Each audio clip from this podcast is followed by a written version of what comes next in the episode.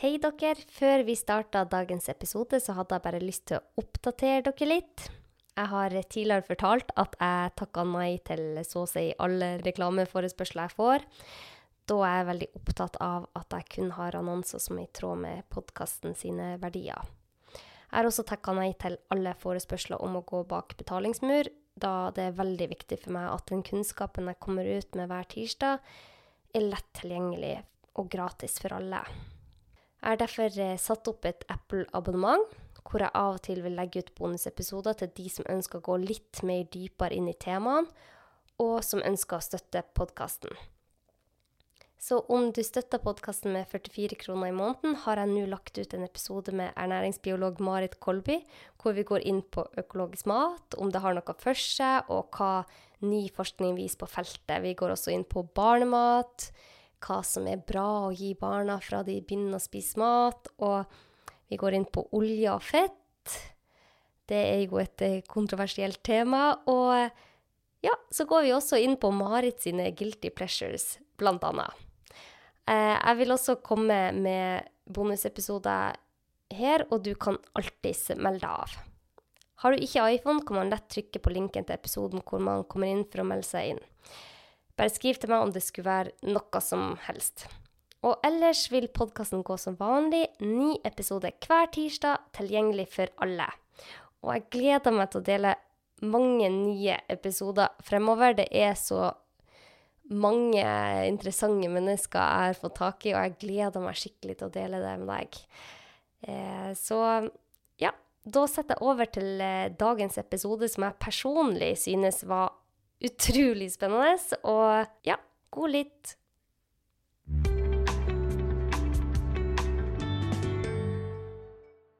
Men det som var så interessant, at etter disse ti ukene så så man at det var spesielt den gruppa som spiste mye fermentert mat, som hadde en økning av bakteriemangfold i tarmen.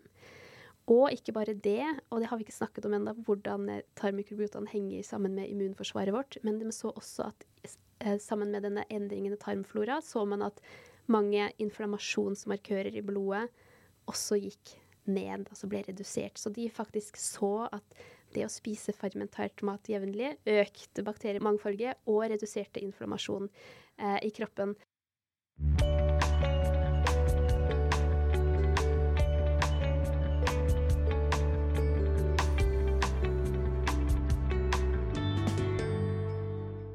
Hjertelig velkommen til podkasten 'Leger om livet'. Jeg heter Anette, og jeg jobber som lege. I dag skal vi snakke om et tema som jeg hadde flere ganger før. Men med meg har jeg en helt ny gjest som jeg har gleda meg veldig lenge til å ha inne i studio hos meg. I dag så har jeg ei som heter Karina Saunders her. Og hun er lege. Hun spesialiserer seg i barnesykdommer og tar for tida doktorgrad i barn og mikrobiota. Hun driver også en veldig populær Instagram-konto ved navn dr. Karina Saunders, hvor hun formidler veldig godt om folkehelse, og har nylig kommet ut med en bok som heter 'Ventetid', som er skrevet for de som venter barn. Hjertelig velkommen, Karina. Tusen takk. Jeg har gledet meg veldig til å snakke med deg. Du, Altså, du har fått til veldig mye på eh, få år her, og i tillegg har du fått to barn på rappen og Ja, det er vel litt, eh, litt for travle tider akkurat nå, tror jeg. Men eh, det er mye som har skjedd. Veldig mye spennende, veldig mye gøy. Eh, både barn og bok og forskning og ja. Ja, for vi skal gå nærmere inn på dette med tarmbakterier og mikrobiota. Altså det universet der er så spennende. Men før det så har jeg lyst til å spørre deg, du har skrevet en bok som heter 'Ventetid'. Hvor, mm. Hvorfor har du skrevet denne boka akkurat nå? Nei, jeg har skrevet en bok for uh, gravide som venter barn. Uh, fordi er, jeg har jo akkurat vært gravid selv to ganger i løpet av to år. Uh, så jeg har kjent på egen kropp hva det vil si å vente barn. Og um, jeg har vært veldig spent, kjent på ja, hva det vil si å være gravid og føde og tiden etter. Og så har jeg følt at det mangler bøker, eller den boken jeg gjerne ville hatt. Så da, før jeg fikk mitt andre barn, så tenkte jeg nei, jeg må bare skrive en bok selv. Eh, som jeg syns eh, formidler kunnskapen som er viktig før når man er gravid, og før man skal føde. Og en bok som er litt fin å bla i. Jeg har tegna også illustrert, og det har alltid vært en liten drøm jeg har hatt. Um, Du tegner helt nydelig. Jeg forstår ikke hvordan du får det til. Er det på nett? Altså, er det på dataen du tegner? ja, jeg bruker en iPad eh, for å tegne, og det er jo litt sånn meditativt òg. Men har du en, eh, penn du fører Ja. på, eller er det Ja. musa du bruker? Nei, jeg bruker en penn. Mm. Herregud, det er helt nydelige bilder. Dere er nødt til å se på det. Det er på eh, hennes Instagram-konto, Dr. Ja. Karina Sanders, er det masse av disse doodles, som du kaller det. Ja, eh, jeg tror kanskje boka er enda litt finere enn min eh, Instagram, så jeg anbefaler den hvis eh, boka, du er gravid og venter. Men eh, ja. Så, men det er jo noe helt eh, Det er jo ikke akkurat mikrobiota, men eh, det er også, jeg har vært veldig fascinert av graviditet også i forskningen min, fordi vi har forsket bl.a. på gravide kvinner og deres barn, så det er jo noe som har opptatt meg veldig eh, i mange år. Um, mm. Ja. Så det er en litt sånn kombinasjon av både forskning og egne erfaringer og tanker og tips og triks og litt sånt. Mm. Ja, for er det et felt som forskes mye på nå, så er det jo ikke sant, hvordan man kan gi barna våre god tarmhelse, for vi skjønner at tarmhelse har veldig mye å si for deres generelle helse, og endringer som har skjedd, for det er jo Mm. enorme endringer som skjer i tarmfloraen i løpet av et liv, og det er faktisk endringer fra generasjon til generasjon, ser det Mm. ut som, og jeg tenker vi må bare dykke inn i dette. Du forsker på mikrobiota Mm. og barn. Hva er mikrobiota? Ja, og jeg tror det er viktig å eh, snakke om det litt først, for det er kanskje ikke alle som har hørt om mikrobiota. Jeg husker først første gangen jeg hørte ordet mikrobiota. Da hadde jeg akkurat studert ferdig medisin. Jeg hadde begynt å jobbe som lege på barneavdelingen, og det er ca. ti år siden. Og da, før det hadde jeg aldri hørt om at vi mennesker faktisk består av flere bakterier enn menneskeceller. Jeg hadde ikke hørt at disse bakteriene fins, og hvor viktig de er for vår helse gjennom et helt liv. Så jeg husker da jeg hørte det for første gang, så tenkte jeg bare oh, wow, dette er Altså, det åpnet en helt ny verden. Og jeg ble så fascinert at jeg tenkte at dette her, det er så Det var jo ganske nytt da, eh, den forskningen. Uh, og da tenkte jeg jeg er nødt til å være med på sånn type banebrytende forskning. Jeg ble bare så ja, uh, betatt av det hele denne bakterieverdenen som bor i oss. Og da tok jeg kontakt med en stor forskningsgruppe her eh, på barneavdelingen i Oslo. Eh, og banka på kontoret til eh, professoren og sa jeg, jeg vil være med på dette her. Og så, Det er jo over seks år siden nå. Så siden så har vi jo kommet et stykke, både vi i vår forskningsstudie, men også ellers eh, i verden. Det har jo skjedd en enorm eksplosjon av studier i løpet av de siste ti årene. Faktisk det meste vi vet, og det er veldig mye vi ikke vet, det kommer vi sikkert til å snakke om mer, det meste vi vet har vi funnet ut i løpet av, ja, i løpet av de siste ti årene. Så før jeg studerte medisin, det er derfor ikke jeg hadde hørt om det før, fordi det er såpass nytt, eh, og det er et veldig hot tema. Mange snakker om det, det er mye i media. Eh, men uh, det er viktig å si at uh, dette er Vi ser kanskje bare sånn the tip of the iceberg. Altså bare en, vi vet veldig lite, og så er det veldig mye mer jeg tror vi kommer til å finne ut av i løpet av de neste årene òg, som kanskje kommer til å redefinere hvordan vi ser på oss selv og helse og kropp og hva det vil si. Uh, og så på en måte forebygge sykdom. Mm. Ja, det er kjempespennende. Men hva er det? Ja, det var det. Eh, Mikrobiota kommer jo eh, fra ordet mikrobe, eller microbe. Eh, og vi, er, vi bor i en verden som er full av mikrober. Når jeg snakker om mikrober, så snakker vi om bakterier, sopp, alger, protozoer og virus. Så dette her er bitte, bitte små levende vesener. De minste faktisk på vår planet. Og alt, både vi, men også planeten rundt, er dekket av mikrober. Mm. og det har vi visst, men vi har ikke visst til at det er i så stor grad. Og vi har ikke visst at vi mennesker også består av så mange bakterier. Eh, så når vi eh, snakker om videre mikrobiota nå, så tror jeg nok man for det meste snakker man mest om bakteriene. For det er de vi vet mest om. Eh, vi vet og dette er først siden sånn, i løpet av de siste ti årene vi fant ut det også, at det er virus og andre sopparter og sånn som også er viktige. Men det vi vet mest om, er bakterier. Så jeg tror det er det vi kommer til å snakke, snakke om videre i podkasten òg. Eh, hvilke bakterier, og hvorfor er de så viktige? Hvorfor er det viktig med bakteriediversitet i kroppen vår, og hva de gjør eh, for å holde oss friske. Og for noen så høres det kanskje veldig rart ut, fordi man alltid tenkt på bakterier som ting som er farlige, som er skumle, ting vi må kvitte oss med. Og vi har jo på mange måter brukt det siste århundret på å gå til kamp mot bakterier. Man har funnet på antibiotika, pasteurisering, sterilisering. Alt for å liksom drepe disse få sykdomsbakteriene vi liksom har visst om. Men vi visste ikke at vi da også går i en kamp mot masse av de gode bakteriene som også fins. Ikke bare det, vi har også forandret måten vi lever på. Altså nå lever vi jo ganske så forskjellige liv fra det våre forfedre gjorde for 100 eller 50 år siden. Mm. Uh, og dette er jo vår moderne verden med ja, Vi spiser an mat, vi bor i byer, vi pusser an luft, vi Ja, det er mange ting som da har på en måte forandret denne mikrobielle, eller mikrobiotaen vår, mm. eh, som har konsekvenser. Mm. Um, ja. Så vi, vi består jo av vanvittig mange forskjellige ja. typer mikrober, men det er mest bakterier som mm. er i den dekker huden vår, mm. den dekker luftveiene, og i tarmen særlig har vi veldig mye av disse bakteriene. Ja, vi har nok mest sannsynlig sånn rundt eh, Var det 39 milliarder bakterier bare i tarmen vår? Mm. Eh, opp til 1500 forskjellige typer. Ja. Um, og så er det jo eh, Vi sa jo i starten at disse bakteriene er jo usynlige. Vi må bruke mikroskop for å se dem, men likevel så veier dem til sammen mer enn hjernen vår. Ja. Så det er jo derfor mange forskere sånn har begynt å se på tarmmikrobiota som et nytt organ. Mm. Eh, både fordi det Altså det er jo et, et, tungt organ som veier like mye som hjernen vår, men det har også enormt mange funksjoner. Eh, så det Ja. Det er eh, en veldig viktig del av oss. Det er det. Og det, det er veldig Det er så artig å lese, lese om det og lese ny forskning på det. Men hva er forskjellen på mikrobiota og mikrobiom? For det brukes jo om hverandre. Og i mm. USA så bruker de jo for det meste mikro, microbiome mm. når de mm. beskriver noe. Mens i Norge ser jeg vi bruker mer mikrobiota. Ja. Hvorfor det? Hva er forskjellen?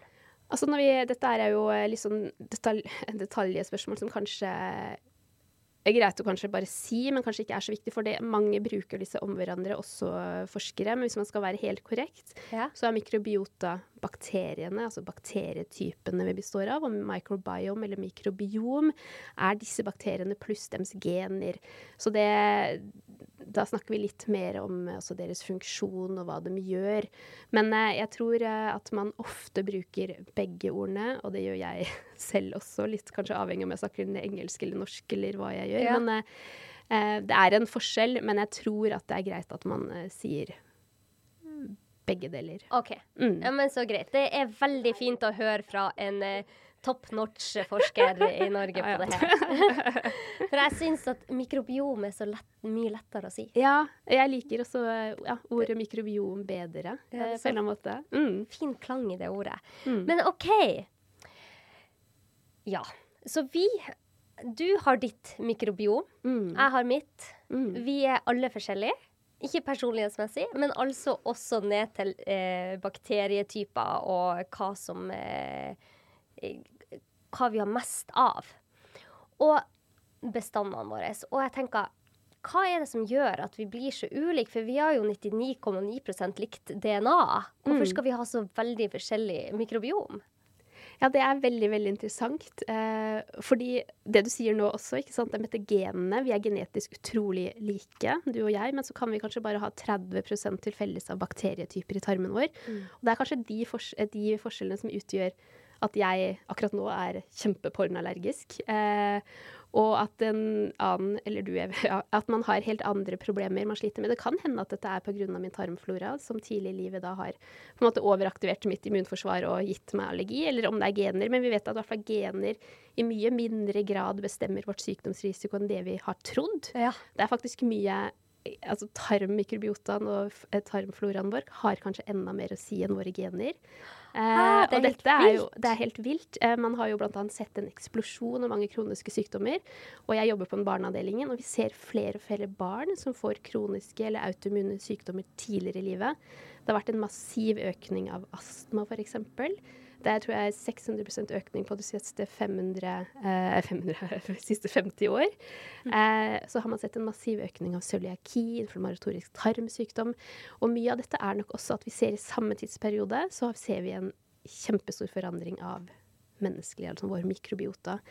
Mm. Eh, og da Og siden vi ser det veldig tidlig i livet, eh, barn får det tidlig, så må vi jo gå og tenke på hva Hvorfor skjer det så fort? Kanskje det har sammenhenger med også denne tarmfloraen man bygger opp. Mm. Fordi vi vet at tarmfloraen um, er mest Eller på en måte ustabil i starten av livet. Man har jo eh, tidligere trodd eh, at vi er helt sterile i mors liv. Og det er mye diskusjon om det er sant eller ikke. Det er noe som tyder på at det kanskje er litt mikrober som er til stede allerede før fosteret blir født. Men den viktigste prosessen er når et barn på en måte blir født og plutselig kommer i kontakt med en verden som er full av milliarder av bakterier. Mm. Det er da denne prosessen starter, at et barn danner en egen mikrobiota. Eh, Fødsel er også viktig, og så er det mange ting videre i løpet av de første levemånedene som vi kanskje snakker mer om, med leveårene som skjer, som da danner min egen mikrobiota, som er som et slags fingeravtrykk. Mm. Eh, så man kan endre til en viss grad senere i livet med litt sånn mer drastiske ting, men en stor del av din og min tarmflora bestemmes allerede i løpet av de første, spesielt fra fødselen til fire-fem år det er det vinduet vi må tenker jeg, snakke om mer òg, fordi det er da vi kan påvirke mest.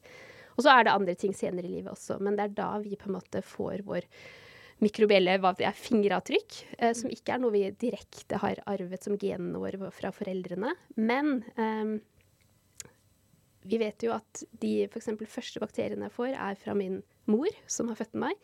Så da har det mye å si om hvordan jeg er født. Og så litt sånn hvis jeg blir født vaginalt, eller født med keisersnitt, hvilke mikrober min mor hadde, som, eller har, som hun gir videre til meg. Og som du nevnte litt i stad, kanskje det er visse mikrober som har gått tapt over visse generasjoner. ikke sant? Så vi fra generasjon til generasjon kanskje mister mye av dette bakteriemangfoldet vi har hatt, og det kan skape konsekvenser. Nå var det kanskje litt for mye informasjon på litt kort tid, men, ja, men kan, eh, vi kan utdype mer. det, det, er bare kjempespennende, og de fleste av mine lyttere er jo veldig interessert i dette ja, temaet. Eh, men ikke sant? Så, eh, så de du kommer ut. Kanskje du har vært i kontakt med noen mikrober, men det er ikke så mange. Mm. Og så kommer du ut, plutselig er det milliarder av bakterier mm. og virus og sopp og alt rundt deg. Og det begynner å danne ditt helt eget unike fingeravtrykk, altså mm. altså mikrobiomet ditt. Mm. Og etter hvert som du lever, så vil dette stabilisere seg mer og mer. Men det du sier, at det er de første fire årene cirka, som virker som er de viktigste, og som danner grunnlaget for mikrobiomet ditt senere i alder. Er det det du sier? Ja. ja. Og mm. da vil man jo vite OK, eh, for det første nå er vi voksne, mange av vi som hører på, og tenker fader, ja, men da gikk mitt vindu bort. Jeg må bare leve med det jeg har. Men det er ikke sånn det er. Nei. Men eh, la oss ta barna først, da. Hvordan kan vi hjelpe dem å få et eh, mikrobiom med høy diversitet, få de sånn gode bakteriene vi har hørt er bra. Hvordan kan man hjelpe til? For det er jo òg tilfeldig. ikke sant? Noen blir født med keisersnitt, og det er takk og lov for at vi har keisersnitt. Mm. Ellers hadde vi mista mange barn og mange mødre. Eh, men, og noen barn kan ikke ammes. Mm. Og det vet vi òg påvirker tarmfloraen vår. Mm. Eh, hvordan kan man hjelpe de, mm. selv om de har fått en sånn start? Ja, og da Jeg er jo eh, på en måte litt glad for også at jeg kan eh, både snakke i podcaster og skrive bok etter jeg, både, etter, etter jeg har erfart mye av dette selv. Ja. Fordi jeg har jo vært veldig i forskningsverdenen lest om hvor viktig det er å bli født vaginalt, at man kanskje øker risiko for en del kroniske sykdommer hvis man ikke gjør det, for barn med keisersnitt. Så jeg hadde jo liksom vært veldig, veldig fokus på dette at mitt barn må fødes vaginalt. Og så fødte jeg nummer én eh, med akutt uplanlagt keisersnitt etter flere døgn i fødsel. Ja. Og ble jo da veldig satt ut, for jeg hadde jo aldri sett for meg at jeg føder mitt barn med keisersnitt. Eh, så fikk jeg nummer to året etter, og tenkte jeg nå, nå skal jeg få føde vaginalt. ikke sant? Når babyen skal få en god cocktail med mors eh, vaginalbakterier og eh, tarmbakterier. Ja. Også da, han, eh, ikke, han, kom fem uker før termin med akutt keisersnitt. Han ble lagt for nyfødtintensiv, startet livet med antibiotika intravenøst. Så masse gikk jo ikke sånn som jeg hadde planlagt. Så jeg er jo et godt eksempel på at okay, det, det, er viktig med kunnskap, og det er viktig å formidle kunnskap hva som er viktig, hva som er bra. Men så håper jeg veldig inderlig at hvis noen lytter på, som har født et barn med keisersnitt sånn som meg, eller ikke kunne amme, eller barnet fikk antibiotika til i livet, at man ikke hører på dette her og blir så veldig lei seg mm. eller får skyldfølelser eller sånt. Fordi det er sånn livet er. Heldigvis har vi moderne medisin som kan behandle infeksjoner, som kan forløse barn på en trygg måte. Mm. Så det er mange ting vi kan gjøre etterpå også. Men det er likevel viktig at vi snakker om hva hva er på en måte et ideal? Og det er jo å bli født vaginalt. For da mm. starter jeg livet med masse kanskje gode eh, bakterier fra mors skjede og avføring. Eh, det er en grunn til at eh, man, mange kvinner altså, bæsjer idet de presser ut et barn. Fordi det kanskje er, altså, det er designet på en måte at et barn kommer i kontakt med disse tarmbakteriene, som da blir de første bakteriene som bor i barnets tarm. Ja. Barn som har blitt tatt med keisersnitt, da ser vi at de har andre bakterier som er mer fra hender, omverden, mors hud osv., som tar bolig i barnets tarm først. Ja. Og det har litt å si. Um, men nå er det jo sånn at det er mange ting som skjer etter dette også. Uh, så hvis man ikke har fått den starten, så er det ikke da er det andre ting man kan fokusere på. Og man kan ja. leve friske, gode liv for det. Absolutt. Og her snakker vi i studier. Det er veldig viktig å si at det er snakk om statistiske forskjeller. Det betyr ikke at barn som er født med keisersnitt, kommer til å bli overvektige, kommer til å få uh, tarmsykdom, eller hva vet jeg. Mm. Dette er, uh, dette her, ja, uh, her snakker vi om liksom statistiske forskjeller ja. og sånt. Um, det er veldig, veldig viktig å si. Men det er um, fint at du tar opp. Og så er det jo, hvis man kan amme, så er morsmelk også en vi har alltid hørt om at morsmelk er bra. Eh, og det er nok også et press for de som ikke får det til. Man har hørt så mye ikke sant, av amme, amme er best. Um, men eh, på en måte er vi nødt til å snakke om det likevel, selv om jeg er veldig klar over Jeg kunne ikke amme mitt første barn lenger enn syv måneder. Eh, for da var jeg gravid og plutselig med melka borte. Og jeg var veldig veldig lei meg for det. Mm. Fordi jeg hadde lest om hvor viktig det er med morsmelk. Gjerne til etter barnet fyller tolv måneder. Mm. Så det kunne ikke jeg heller. Så jeg er jo et veldig godt eksempel på at man eh, Det er ikke alltid man får til det man ønsker. Livet Livet det, skjer. Ikke sant? Og det, det, er veldig viktig i min formidling av dette her, for jeg vet at også på Instagram har jeg hatt mange kvinner som har skrevet til meg men jeg føler så mye skyld fordi jeg fikk ikke til det, jeg fikk ikke ammet barnet mitt. Mm. Så da vil jeg så gjerne si at man OK, slapp av. Det betyr ikke at du har ikke gitt barnet en dårlig start. Barnet kan bli helt friskt og fint, og det er viktig at man Barnet trenger kjærlighet først og fremst, ikke sant? Ja, og så ja. er det andre ting. Men uh, ja. OK. Men likevel, morsmelk er, og det er veldig interessant, det visste vi heller ikke før, den inneholder mange viktige ting som faktisk er der for å styrke vår tarmflora. 10% av morsmelka består av noe som vi kaller olikosakarider, som er sukker, sukkerarter som går ufordøyd helt ned i tykktarmen, hvor de fleste bakteriene sitter, for å nære disse bakterietypene. Og det er helt sykt. Altså det er så, vi har alltid visst at morsmelk inneholder masse bra, men at det til og med er en type probiotika i morsmelk som da er der for å danne barnets eh, tarmflora. Og så vet vi at morsmelk til eh, helt i starten etter en fødsel, eh, det som ofte kalles for kolostrum, har en helt annen sammensetning enn morsmelk til et barn som er seks måneder. Eh, så dette forandrer seg eh, og tilpasser seg også litt til behovet for en tarmflora. Og dette er jo noe man ikke kan etterligne eh, i f.eks. morsmelkerstatning. Dette er noe kroppen gjør mm. også for å styrke denne tarmfloraen. Mm. Um, og så Altså det er én ting, altså den inneholder disse sukkerartene som fermenteres da, av disse tarmbakteriene som er der. Men så inneholder morsmelk faktisk også levende bakterier og dette er også helt nytt. Eh, I starten, da forskerne fant det, så ble de så satt ut, for det hadde man ikke regna med. Man alltid trodde at morsmelk er steril. Mm. Og så gikk de og så nærmere, forsket lenger, og det andre studier bekreftet at det faktisk er bakterier i morsmelk. Og de kommer ikke fra mors hud, de kommer på en eller annen måte fra hennes tarm eller kropp. Man vet ikke hvordan. Inn i hennes melk. Dette er og, så og det altså, eh, mindblowing. Helt mindblowing. Ja. Og så ser man til og med at også morsmelken til en, en, mor som er født med keisersnitt, eller en som er født vaginalt, er forskjellige. Og man vet, man vet Det er så mye vi vet, men det er altså helt utrolig at kroppen da nesten setter sammen en morsmelk som er tilpasset til ditt barns tarmflora. Og man har jo sett i store studier at barn som da er født med keisersnitt, mye av disse potensielt negative effektene kan jevnes ut hvis barnet får morsmelk. Er det sant? Eh, så det er jo også litt sånn good news, da. Eh, så det er eh, min eh, Hvis man kan amme, am, og gjerne til barnet, helst til barnet er ett år eller lenger, Ja. Og da er det ikke alltid mengden som har noe å si. Hvis man eh, f.eks. har et barn på hva vet jeg, 10-11 måneder, om det bare er én gang på dagen, kanskje det, det er mer enn Eller det kan være nok for å ha en god effekt. Um, så morsmelk, det er starten av livet. Ja. Nå snakker vi fortsatt om sant, hva som eh, påvirker eh, tarmfloraen tidlig Ja, i livet. ja, ja. Så vi henger med. ja. Veldig bra. Og så er det jo et annet veldig spennende vindu, og det er der jeg er nå. Jeg har en gutt på eh, snart syv måneder. Eh, og det er den starten på fastføde. Eh, for det har vi ikke snakket om ennå, men hva vi spiser, er nok en av de tingene kosthold er det som påvirker tarmfloraen vår kanskje mest gjennom et liv, og også tidlig i livet. Fordi den direkte um, på en måte mater disse bakteriene vi har i tarmen. Eh, Så hva jeg gir et barn i starten av livet av fast føde, hvordan eh, jeg går frem der, har eh, veldig mye å si. Jeg vet ikke om det, ja. det er noe man kan snakke mye mer om, men mm.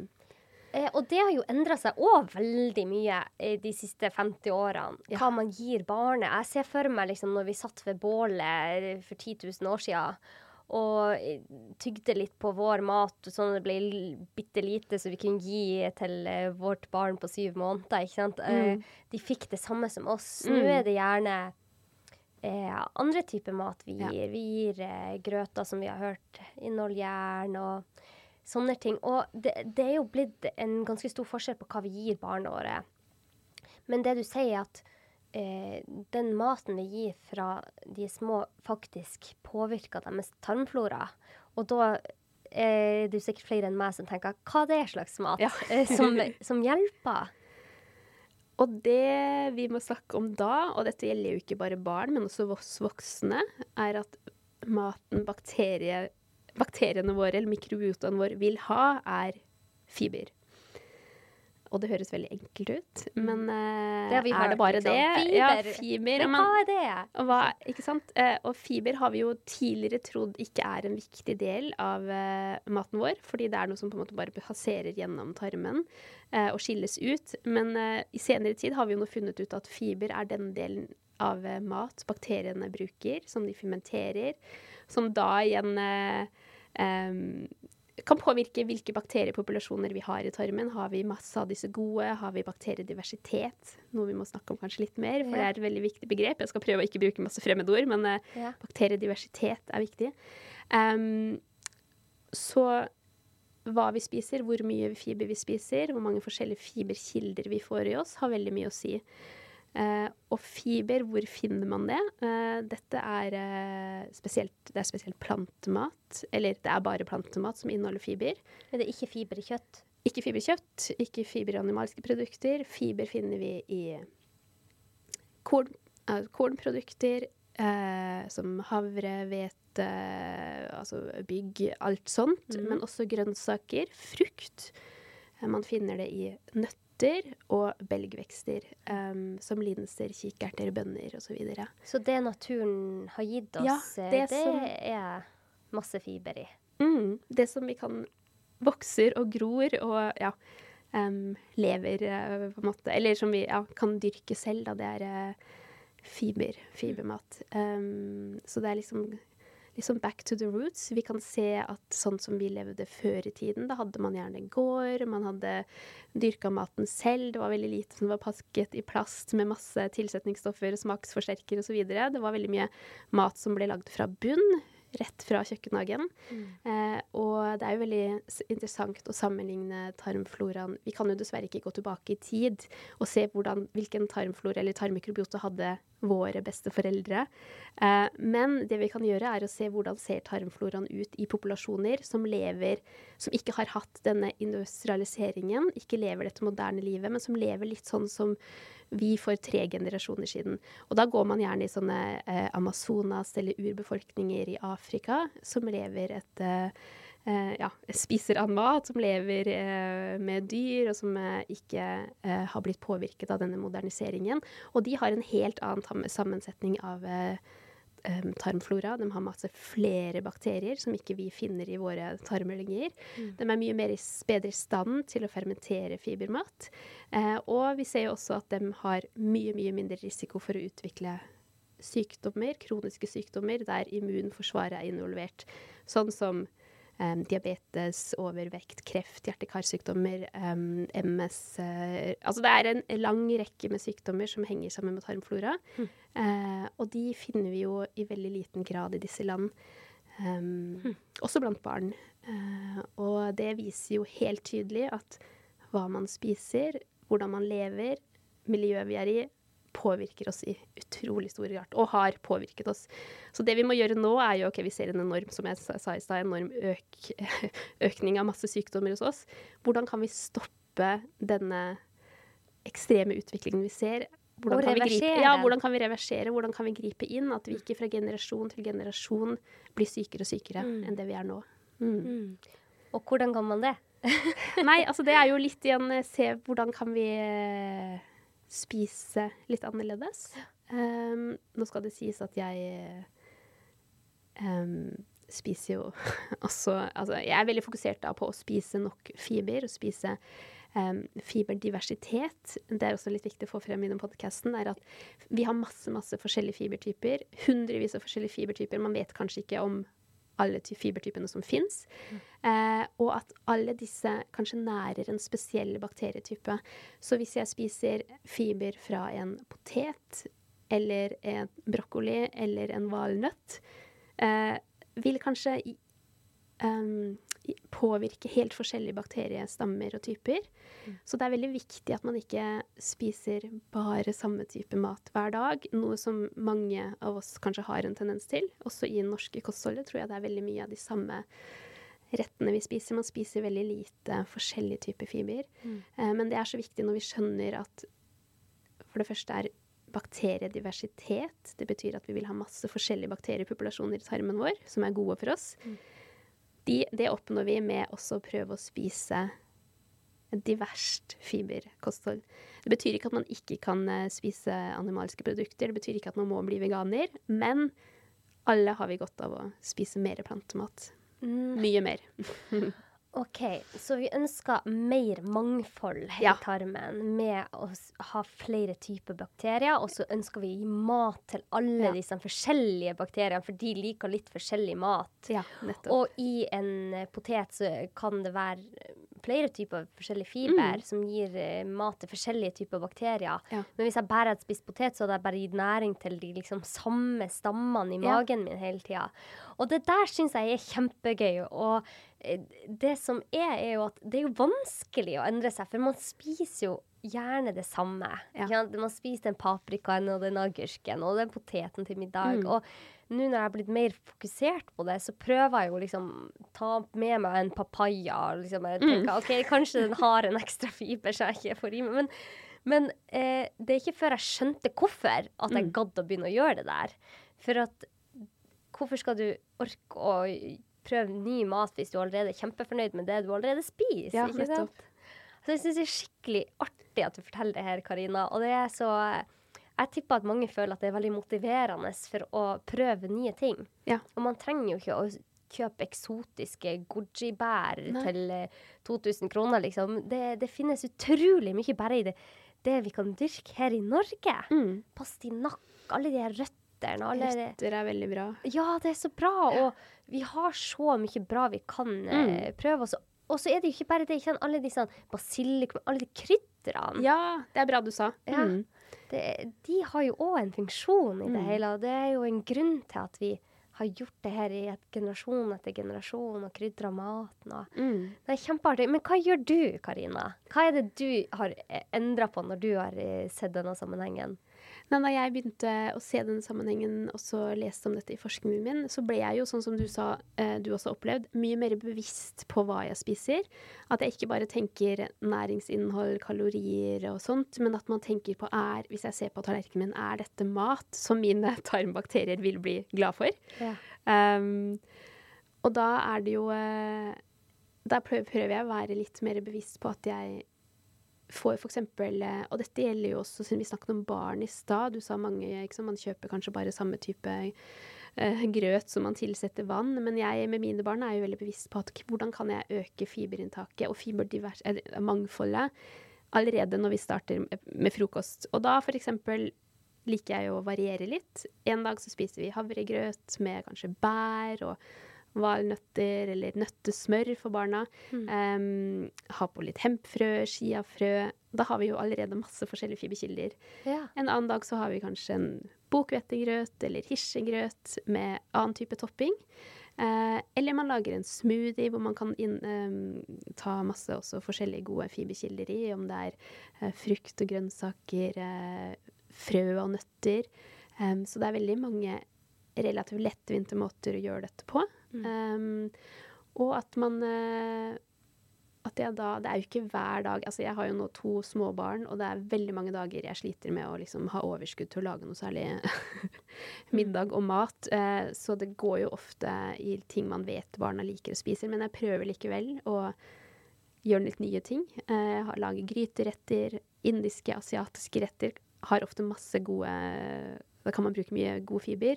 Kikerter, linser er veldig uh, Spiser man for lite av. Um, veldig gode kilder, eh, kilder til fiber. Bønner. Um, så jeg tenker at jeg prøver å være litt mer kanskje kreativ enn det jeg gjør, var før. Men uten at det nødvendigvis må ta så veldig mye lengre tid på kjøkkenet. Men jeg tror mange, hvis man setter seg og finner litt nye oppskrifter og blir litt inspirert, har man lagd det noen ganger, så blir det en del av kanskje retter man da lager litt sånn uh, spontant og lett uten at det er så veldig mye styr. Ja, uh, så jeg tror det går på å liksom utvide det man er vant med. Mm. Uh, jeg tror i Norge Jeg har jo bodd mange andre steder i mitt liv. I Norge så er vi veldig glad i tradisjoner. Vi har tacofredag, og det kan jo på mange måter Man kan spise masse bra bønner og frukt eller grønn, grønnsaker på taco, det er ikke det. Men at vi er veldig glad i sånne faste ting og faste mm. retter. At det er lite variasjon, men at man prøver å være litt mer åpen og interessert i å lage også litt kanskje nytt. Ja. Uh, så det har jeg nok absolutt blitt mer bevisst på et eget liv. Um, Også, mm. og, og, det er jo en Jeg bare ser for meg hvordan det var for, uh, før jeg ble interessert i dette, hvor slitsomt det var å lage mat. Og bare, ja. ah, liksom, ja, det, det krev, krevde veldig mye fra meg. Mm. Og eh, jeg tror at man skal være veldig tilgivende mot seg selv hvis man ikke er vant til å lage mat. Ja. Fordi liksom, man må ta baby steps, og bare det å tilføye én ny fiber kan være kjempebra for deg. Og så at man feirer det, og at man ikke får dårlig samvittighet hvis man ikke har klart å gjort det for barna sine. Mm. Eh, og jeg, det var mange ting jeg ikke kunne når min, yngste, min eldste ble født. Og jeg prøver å tenke Jeg gjorde det beste jeg kunne akkurat der og da.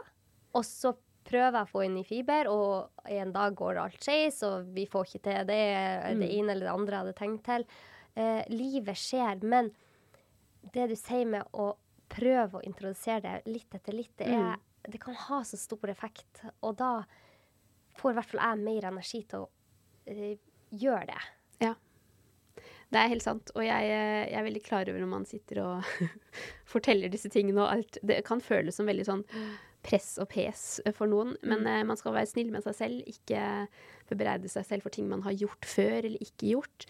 Og at man ja, tar babysteps. Og altså, jeg eh, spiser også sjokolade og is, selv om jeg vet at ikke det absolutt er så bra for tarmen min. Men så prøver jeg å kompensere litt med ja, andre dager hvor det blir litt mer eh, bakteriemat. Um, ja, ja. Så man uh, mm. Ja, man skal jo leve litt òg. Men altså, dette temaet syns jeg bare er kjempe, kjempeinteressant, Karina. Jeg vil gjerne at du skal fortelle mer. Hva, altså, har du lest noen nye spennende studier du har lyst til å dele? Ja! det er så gøy å snakke med noen som også er uh, opptatt av dette her. Jeg har jo snakket om mikrobiota i mange, mange mange år. Jeg tror vennene mine orker ikke høre om dette her. Men, ja, i eh, like måte. altså Å, herregud, altså. Jeg hadde Når vi var i turnus, så var jeg kjempe, kjempeopptatt av dette, og det var jo i 2013. Og jeg, vi hadde besøk hver tirsdag. kom en anestesilege. Eller han er nå anestesilege, men han gikk på studiet. og i lag av oss og jobba i turnus sammen med oss. Og hver tirsdag kom jeg med ny informasjon til han stakkars Magnar om hvorfor det var så viktig å ta vare på tarmbakteriene sine. Og herregud, hvor mye han døde jo inni seg hver gang jeg hadde en sånn lang tirade om det. Men nå var jeg på besøk hos han for noen uker siden, og da har han begynt å bake sitt eget brød. Så, Å, så bra. så det går inn. Det bare tok ti år. Men det er jo Det er ikke for sent. Nei, altså mm. tenker jeg at det, eh, jeg er blitt bedre til å ikke ta det opp med absolutt alle. Mm. Men jeg føler at de fleste som hører på podkasten min, er veldig interessert i dette temaet, så jeg tror ikke det gjør noe at du nerder litt her, altså. Men da kan, vi, da kan jeg dele studier. En, og det, altså det er jo mange studier man kan snakke om, men en eh, som kanskje er litt spennende å ta opp. fordi i fjor så var jeg i en podkast, og så ble jeg spurt ja, men hva med fermentert mat. Burde jeg spise fermentert mat? Mm. Og jeg var liksom nei, altså jeg selv har ikke giddet å lage fermentert mat eller spise så mye av det. Så ja, man vet ikke så mye om det. Viktigste er at du bare spiser fiber og spiser sånn som jeg sa til deg. Eh, fiber, altså mangfold av fiber. Og det stemmer. Men så har det dette er jo, Det er så viktig å si at dette er et såpass nytt forskningsfelt at vi lærer jo stadig mer. Og det er det fine med forskning at noe jeg sa noe i fjor, mm. som jeg kanskje kan revidere litt nå, fordi mm. man har fått enda mer kunnskap. Og det er en veldig studie, fascinerende studie som ble publisert i fjor sommer av en uh, Han heter Justin Sonnenberg og er en stor mikrobiotoforsker som tror jeg er i California. Han har også skrevet en bra bok som heter The Good Gut, som er veldig lettlest og veldig fin, hvis noen vil lese mer. Ja, så bra. Eh, og den er ja, veldig lett og fint forklart. Men han eh, har i hvert fall med en annen god ernæringsforsker lagd en studie Eller eh, ja, de drev en studie for å se ja, men fermentert mat. Er dette noe vi bør spise eller ikke?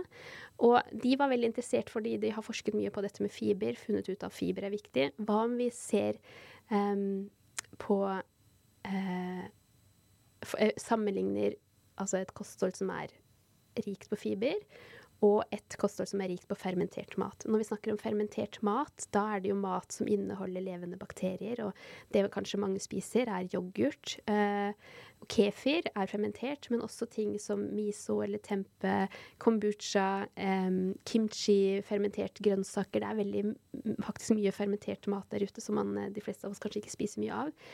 Og deres hypotese var jo at det viktigste er at man spiser masse fiber. Eh, men eh, i en forskningsstudie så vil man jo se, ja, eh, undersøke da litt nærmere. Altså de lagde to grupper. Én gruppe spiste fermentert mat daglig, faktisk six servings.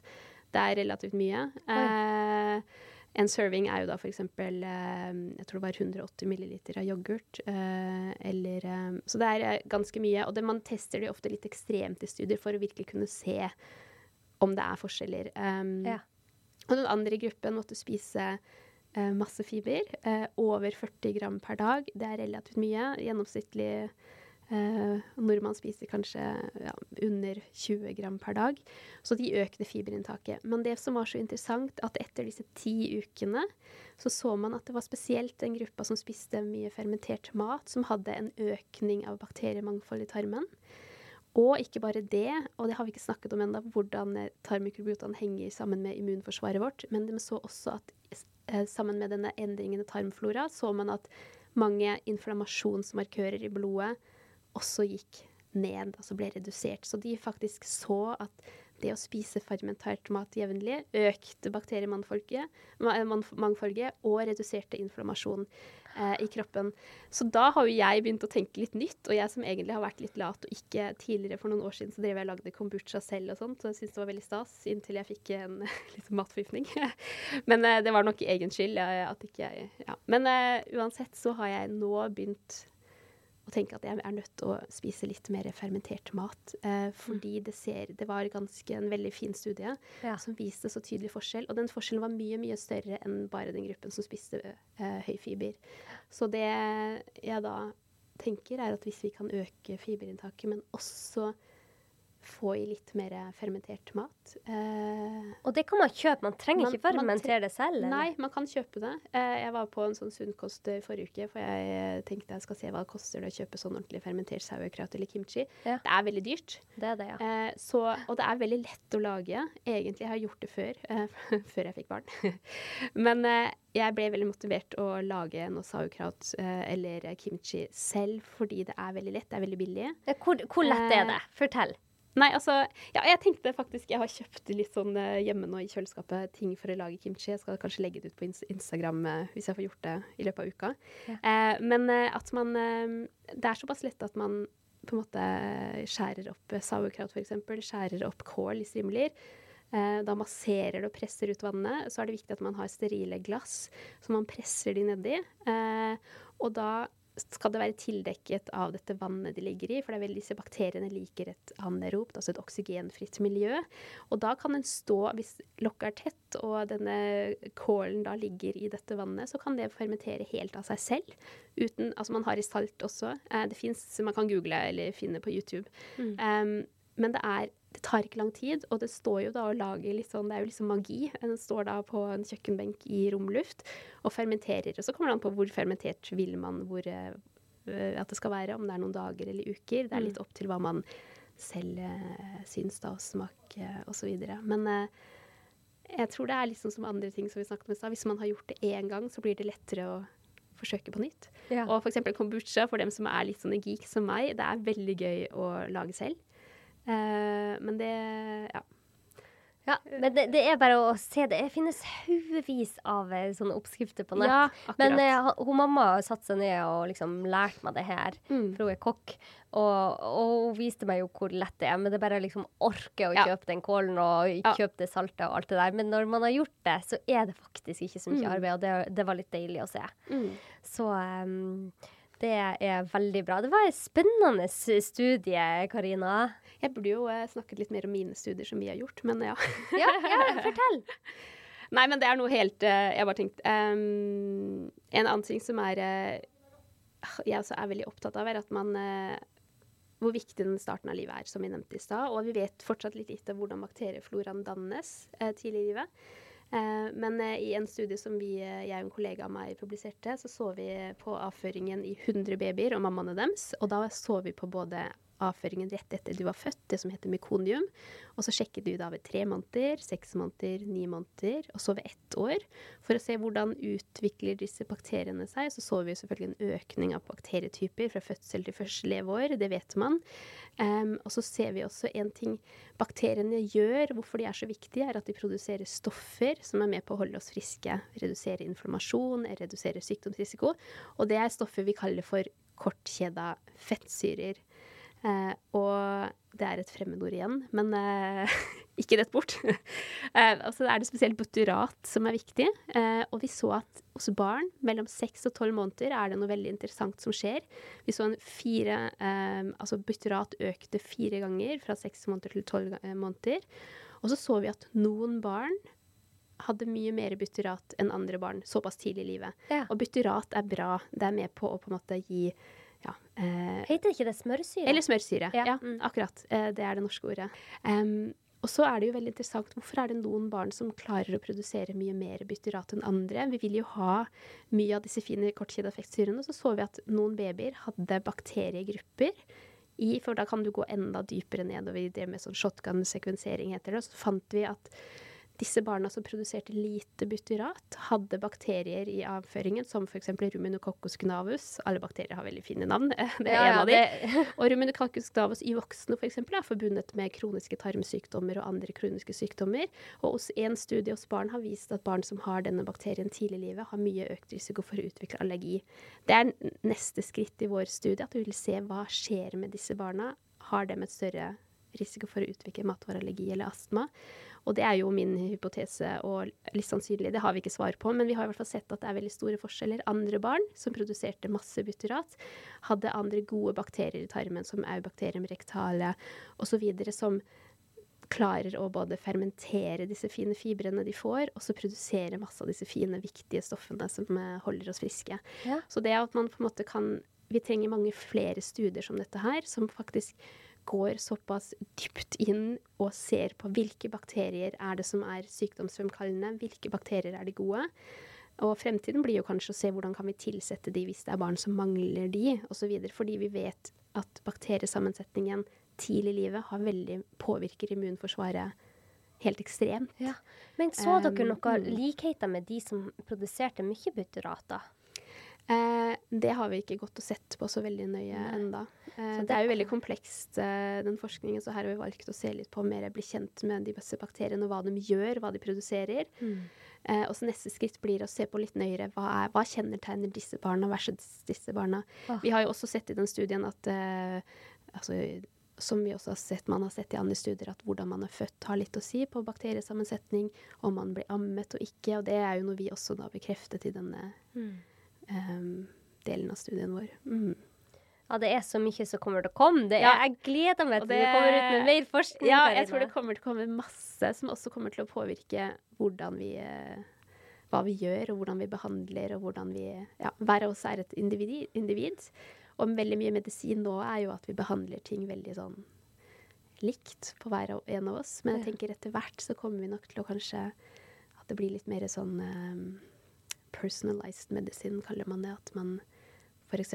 kan undersøke hvis du kommer med en problemstilling, undersøke tarmfloraen din. Mm. Eh, og så kanskje finne måter å behandle den og deg på som er Mm. litt annerledes fra en annen pasient.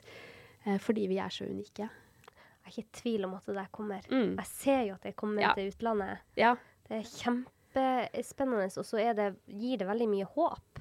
Veldig masse håp. Mm. Eh, at vi kan finne liksom rotårsaken til Mm. ting. Det, er, det er så fascinerende, det her. Og det du snakker om inflammasjonsmarkører Alt henger sammen med alt, og alt påvirker hverandre Mm. i kroppen vår. Og eh, jeg er veldig glad for at du, du får frem forskninga her og gir oss sånne gode eh, forskninger som kan faktisk endre på hvordan vi ser på helse fremover. Mm. Det er veldig bra. Du har gitt oss noen gode tips nå. Eh, spis fiber, også fermentert. Mhm. Er det noe mer vi kan gjøre for å styrke mikrobiomet vårt? Ja, det er mer ting. Eh, en viktig ting jeg tror man må snakke om, er antibiotikabruk. Mm. Og spesielt antibiotikabruk til barn. For vi snakket om i stad at dette er en veldig sårbar fase de første for, um, leveårene. Og vi vet at selv om Norge gjør det veldig godt, i USA eh, så viser tallet at halvparten av barn får antibiotika hvert år. Jeg vet det. I Norge er det én av fem barn som får antibiotika hvert år. Så det er jo eh, Vi gjør det veldig mye bedre, men likevel så vet vi at også her at for mange barn får antibiotika unødvendig. Masse infeksjoner er forårsaket av virus når de er så små. Mm. Og det hakket antibiotika hjelper ikke, men de er likevel med på å på en måte gjøre en viss skade da på en tarmflora. Mm. Får man en antibiotikakur eller to eller sånn, det, det er mye som tyder på at det går bra, at tarmfloraen er såpass eh, god på å gå litt sånn tilbake til den var før antibiotikakuren. Men spesielt tarmfloraen tidlig i livet har man ikke lyst til å tukle så mye med, fordi den er såpass ustabil og ikke ordentlig etablert. Så man skal være litt tilbakeholdne med å gi antibiotika. Og dette er jo selvfølgelig et ansvar leger har. Antibiotika er jo kjempeviktig, sikkert den beste oppfinnelsen i moderne medisin. Ja. For, eh, for 100 år siden så var det 90% av barn med bakteriell eh, sånn eh, hjernehinnebetennelse døde. I dag så er det jo nesten ingen barn som dør av noe sånt. Ja. Så vi er jo utrolig heldige som har antibiotika. Mm. Men vi må være flinkere til å bruke det helt konkret. At vi behandler det når vi vet at det er en bakterieinfeksjon. Og ikke på sånn ja ja, men det skader ikke å gi. Barn har vært syke såpass lenge. Eh, som kanskje mange føler at man, eh, man vil så gjerne hjelpe et sykt barn. Mm. Men det er veldig viktig at vi er selektive, også at man gir antibiotika som er såpass smal sprekter som mulig. Det vil si at de ikke liksom slår ned sånn bredt, men at man gir eh, antibiotika som er litt Og det er vi også relativt flinke til i Norge. Altså Det er også positivt. Men eh, som foreldre òg er det litt viktig at man da er klar over dette, at mye er virus. Hvis en lege virkelig kommer frem til at det er en bakterie, så er det viktig tenker jeg, å høre på. Eh, den vurderingen å gi antibiotika, men at man eh, ikke går Og det har også studiet vist. Hvis foreldre går til et legekontor med nesten en sånn bestilling på at barnet mitt skal ha antibiotika, så er det veldig mye mer sannsynlig at også legen forskriver antibiotika. Og det, vi er jo mennesker, vi òg. ikke sant? Man vil gjerne hjelpe. og eh, så det er litt, jeg tenker det er en liksom holdningsendring som skal til i samfunnet generelt, om at antibiotika er bra hvis det er indisert, men vi må bruke mindre. Mm. Eh, Så det er én ting. Og så andre medisiner også. Det er masse medisiner som har vist seg å påvirke mikrobiotaen. Vi vet fortsatt for lite. eh, Og hvilke doser, hvilke typer medisiner. Men ting som eh, ja, medisiner som til og med ibuprofen. Nå skal ikke jeg si at man ikke skal bruke det, men alt vi gjør, må man tenke om er det virkelig nødvendig. For mye av medisiner kan påvirke negativt. Mm. Men da er det jo Nå var det vel veldig mye sånn negativt, så la oss snakke om ting som kan påvirke positivt, da. Ja, men det er veldig Eh, viktig at du tar det frem, for at eh, det er kanskje lett å tenke at uh, den uh, Ibux-en ikke har noe å si, jeg bare tar den i Ja, tilfelle jeg får nettopp. litt mer uh, vondt, eller men, men alt man putter i kroppen, og veldig mye av det man smør på kroppen, påvirker oss. Mm. Eh, og det vil ikke si at man ikke skal tørre å smøre noe på seg, eller eh, spise Ibux av og til. Eh, men bare det å være observant og mm, være bevisst på det, det kan ha faktisk en god del å si. Så jeg er glad for at du tar det opp. Men hva er det positive? positive. Ja. Og det er jo at uh, vi må være flinkere komme ut. Og igjen, nordmenn er ganske gode på dette her, men å komme oss ut i naturen. Vi er veldig glad i tur og skog og alt det, men, uh, men det er veldig godt å vite også at det å gå ut i skogen, gå ut i naturen, er veldig positivt for tarmfloraen. Og det gjelder også barn, og jeg er veldig opptatt av å snakke om barn, som du har hørt, men, eh, fordi det er så viktig. Men jeg har også lyst til å bare fremheve kort en studie som er veldig spennende, hvor man gikk ut for å se hva skjer hvis vi um, forandrer barnehage, barnehager. Uh, og det er en finsk studie som så eh, sammenlignet barnehager i en by, hvor de ikke har veldig mye grønne arealer, og så lagde de barnehager, eller eh, så på en barnehage som er ute i naturen, og så en annen barnehage som de da tilsatt eh, satte sånn type eh, jord og mose og gress og liksom skogsmiljø i en barnehage som ikke hadde det fra før. Og så forsket de på disse barna, tok avføringsprøver og blodprøver, og det de fant var at barn som hadde en barnehage med et sånn type miljø som man finner i en skog eller ute, de økte i løpet av noen uker mangfoldet av tarmbakterier, og igjen inflammasjonsmarkørene i blodet deres eh, gikk ned. De hadde mer eh, eller bedre på en måte sånne regulatoriske T-celler, som er viktig å holde immunforsvaret på en måte i kontroll. Eh, så de, de hadde på en måte påvirket eh, både immunforsvar og tarmflora i løpet av kort tid Ja. Eh, i en positiv retning hvis de var i kontakt med sant, mose og jord og eh, kunne liksom grave i jorda og leke i jorda og sånt. Så det er jo Tenk det. viktig for oss voksne, men spesielt viktig for barn. Eh, så det at man eh, tar en tur i et fjøs, eh, det kan jo til og med kanskje påvirke et barns tarmflora og eh, indirekte da barnets immunforsvar. Eh, det er jo ikke, Vi har visst i lengre tid at barn som vokser opp på en gård, f.eks. har mye mer redusert risiko for å få allergier. Og nå finner vi ut at det er fordi de er i kontakt med masse mikrober fra dyr, fra dyrets avføring og fra omgivelsene rundt. Så jeg tenker gå ut. Og til og med luften nå, luften vi puster i en skog er annerledes enn i en by. Og det er masse mikrober også i lufta. Ja, tenk det. Eh, så det å gå og ta en skogstur, eh, ta en løpetur, eller gå ut i skogen med barn, eller på et jorde, gress på en gård, er bra. Tenk, altså, vi er liksom i kontakt med naturen på et sånn utrolig mye større vis enn vi før trodde. Ja, vi ja. blir påvirka av liksom Det høres jo så rart ut, men at vi blir påvirka av eh, et miljø som vi er i. Hvis vi er nær trær, så går Mm. stresshormonene våre ned. Altså, vi er født i naturen, og vi blir veldig påvirka av naturen. Ja. Og det er så gøy at forskninga støtter opp under det der. Ja, veldig.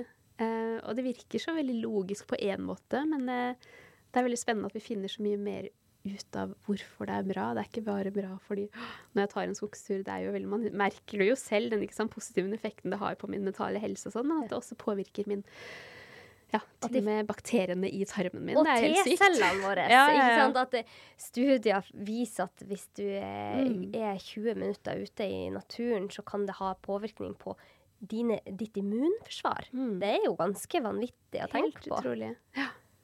Ja. Så vi må komme oss ut. Um, og så tenker jeg stress òg. Uh, nå har jeg Stress og søvn er to viktige faktorer som også påvirker. Eh, selv har jeg nok de siste to årene sovet veldig lite med to små barn og hatt veldig mye stress. Så jeg har jo gått og lurt på hvordan påvirker det meg, men sånn er det i faser. Men jeg tenker det er likevel viktig å vite at man eh, eh, Tarmfloraen og bakteriene liker jo det som generelt egentlig også er godt for oss. Ikke? Stresse mindre, sove bedre, sove mer. Eh, har stor effekt. Mm. Så hvis man er klar over det, så kanskje man det også blir en større prioritet. Mm. Veldig bra. Her var det skikkelig mange gode takeaway points, eh, Karina. Det her eh, Altså, vi kunne ha snakka i evig tid, eh, men vi er nødt til å runde av snart. eh, hva tror du om fremtida? Hva tror du eh, For det kommer jo veldig mye forskning. Mm. Og det tar jo litt tid før det blir implementert. Men hva tror du fremover nå? Hva skjer? Jeg tror at fremtiden er, og det er så godt å høre i disse dager, eh, at fremtiden er lys og lover veldig godt. Og jeg tror det kommer til å være et skift, en forandring i hvordan vi praktiserer medisin på, eh, hvordan vi ser på sykdom, hvordan vi behandler den, og at den blir veldig mye mer sånn individualisert. Altså at man ser at vi mennesker er individer med forskjellige utgangspunkt og forskjellige behov. Um, og det gjelder også vår tarmflora, hvordan vi behandler den. Så jeg tror at det kommer til å komme masse Uh, forhåpentligvis fort. Uh, dessverre så tar det ofte lang tid før forskningen liksom når ut.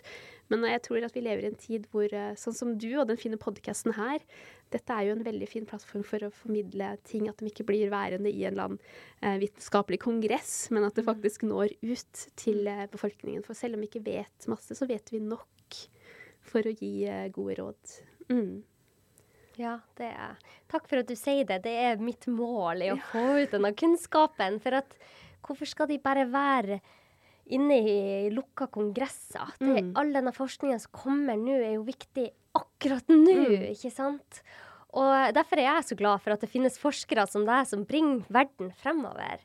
Og eh, jeg er så glad for at vi er flere som deler det her. Du skriver jo òg for Aftenposten, har jeg sett. Og ja. du, altså, sammen så kan man få til så utrolig mye. Alle de som hører på dette, vil igjen fortelle det videre. Mm. ikke sant? Det er ringeffekter. Jeg ser at det skjer, skjer et stort skifte mm. eh, generelt i befolkninga og i helsepersonell. Så vi må bare få tak i noen politikere som ser det her, yes. og funda litt, så vi får gjort denne endringa. Mm. Eh, hvis jeg har et spørsmål som jeg alltid spør eh, mine gjester på slutten, og det er hva du tenker skal til for å ha et godt og friskt liv. Hva er dine topp én, to eller tre? Topp én, to eller tre. Det tror jeg er å finne og skape en god balanse. Um, at jeg vet hva jeg trenger for å føle meg lykkelig, for å kjenne meg godt. Og det er Altså om det er work-life-balanse, at jeg på en måte skaper tid for ting som gjør meg godt. Venner, kontakt med familie, um, tid for å gå ut i naturen. Det gjør meg veldig godt. Og så har jeg blitt veldig altså, begeistret over da denne forskjellen jeg har kjent av å spise sunt, ernære meg godt. Det gjør meg glad, og det gjør meg frisk. Og det tror jeg også gir et godt liv. Men jeg tror så mange ting i livet så er det en god balanse. At jeg kan spise litt is, men uh, det er helt greit. Jeg skal ikke føle skyld eller skam, men finne en god balanse og vite hva, som, hva jeg trenger for å ha det godt. Mm. Ja, det var fint. Tusen takk for at du ble med i podkasten, Karina. Hvor kan mine lyttere finne deg? Og ikke minst, må vi ikke glemme, boka di 'Ventetid' er jo ute nå. Og det finner mm. du i alle bokhandlere, ikke sant? Ja, du finner dem hos Ark og Snorli online. Og på nett. Og på nett. Men hvor kan man finne deg ellers, hvis de har noen eh, spørsmål eller ønsker å følge deg? Dere kan gjerne følge meg på Instagram. Der deler jeg jo litt både vitenskap, men også litt fra personlig liv. Um, en god blanding, vil jeg si. Og så kan dere nå meg på websiden min. Der har jeg blant annet også en uh, Den er på engelsk, men en Gut Health Guide og noen uh, oppskrifter du kan laste ned gratis. Hva heter den nettsiden? Um, drcorinasonders.com. Uh, så der kan du finne meg. Men mm. Veldig bra. Jeg gleder meg til å følge deg videre, Karina. Og eh, takk for at du tok deg tid til å være med i dag. Tusen takk for at jeg fikk komme. Og hvis dere har noen spørsmål videre, kan dere nå Karina der. Og så kan dere nå meg på doktor Anette Dragland på Instagram eller Leger om livet på Facebook. Og eh, ja, hvis du syns dette var en spennende episode, del den eh, med noen du tenker hadde likt den. Og eh, det var det. Trykk abonner hvis du ønsker å støtte podkasten. Ha en kjempefin dag. Ha det godt.